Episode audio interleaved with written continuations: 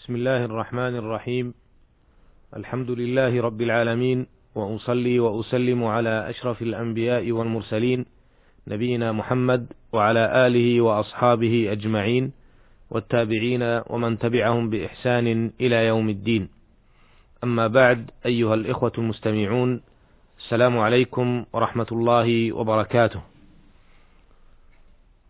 لا زلنا في هذه الحلقة نواصل الحديث عما رواه الشيخان عن أبي هريرة رضي الله عنه عن النبي صلى الله عليه وسلم أنه قال: إنما جعل الإمام ليؤتم به، فلا تختلفوا عليه، فإذا كبر فكبروا، وإذا ركع فاركعوا، وإذا قال سمع الله لمن حمده، فقولوا ربنا لك الحمد، وإذا سجد فاسجدوا، وإذا صلى جالسا فصلوا جلوسا أجمعون. وعن عائشة رضي الله عنها أنها قالت صلى رسول الله صلى الله عليه وسلم في بيته وهو شاك فصلى جالسا وصلى وراءه قوم قياما فأشار إليهم أن اجلسوا. فلما انصرف قال إنما جعل الإمام ليؤتم به. فإذا ركع فاركعوا وإذا رفع فارفعوا وإذا قال سمع الله لمن حمده فقولوا ربنا ولك الحمد وإذا صلى جالسا فصلوا جلوسا أجمعون. متفق عليه. الوقفة الثالثة.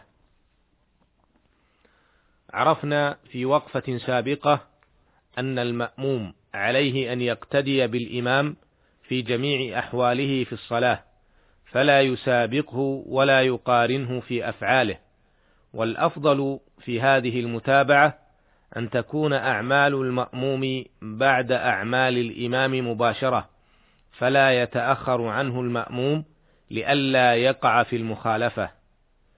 الوقفة الرابعة في حديث عائشة رضي الله عنها بينت صلاة الرسول صلى الله عليه وسلم وهو يشكو مرضه.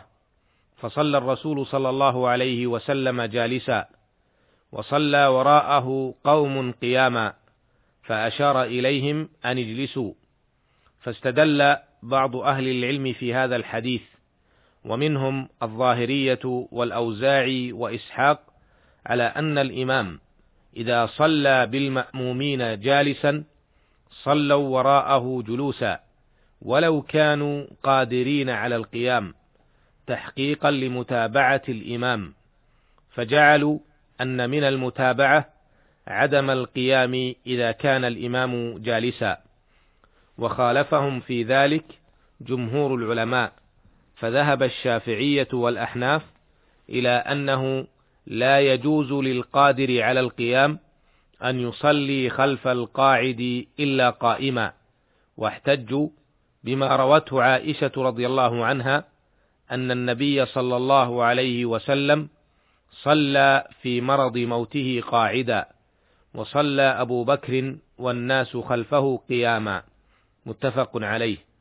وأجابوا عن الحديثين اللذين معنا وما شابههما بعدة أجوبة من أهمها أن هذه الأحاديث أعني حديث حديث أبي هريرة وعائشة رضي الله عنهما أنها منسوخة بحديث صلاة الرسول صلى الله عليه وسلم في مرض موته بالناس قاعدا وهم قائمون خلفه ولم يأمرهم بالقعود وهذا ما أجاب به الشافعية.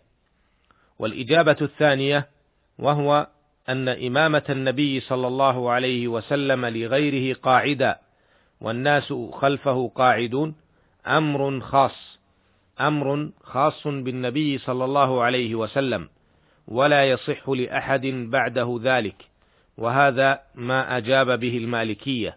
والمخصص عندهم ما رواه جابر مرفوعا لا يؤمن أحد بعدي جالسا. لكن هذا الحديث لا يصح كما ذكره غير واحد من أهل العلم.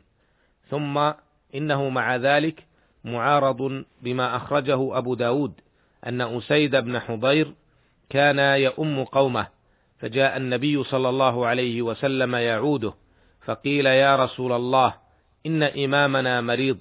فقال إذا صلى قاعدا فصلوا قعودا. قال ابن دقيق العيد قد عرف أن الأصل عدم التخصيص حتى يدل عليه دليل ولا دليل هنا.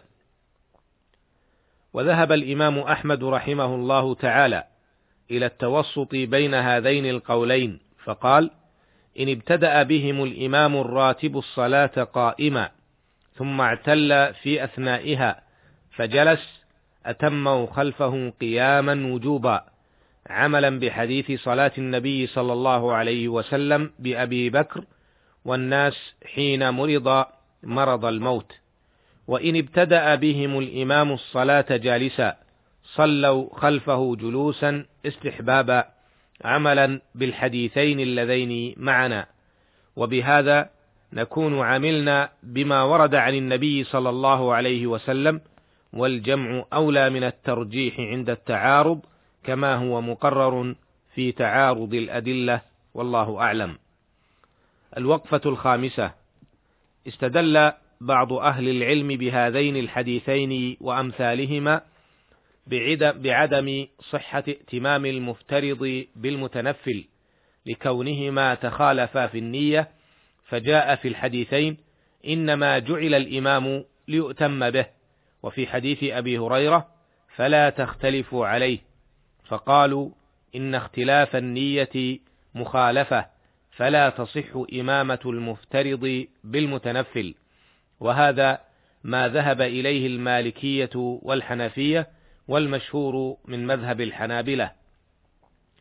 وذهب الشافعية وهو رواية عن الإمام أحمد إلى صحة ائتمام المفترض بالمتنفل.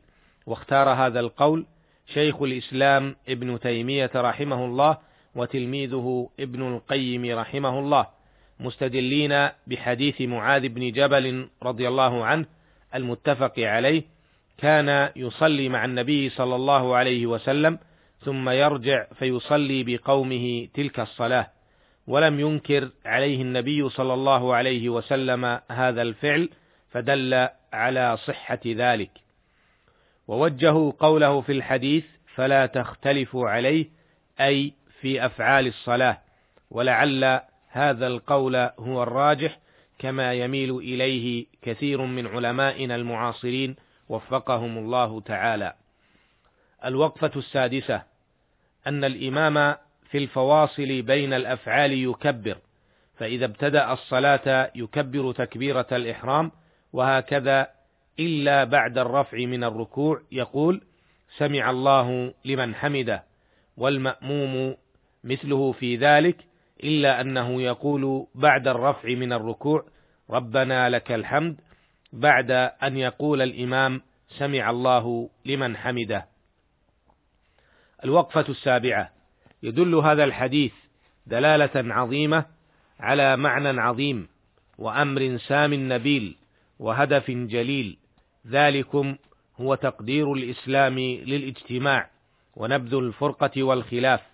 وأن الأمة ينبغي أن تجتمع كلمتها ويتوحد صفها ألا تروا وفقني الله وإياكم كيف حرص رسول الله صلى الله عليه وسلم على متابعة الإمام في الصلاة وعدم مسابقته ومخالفته.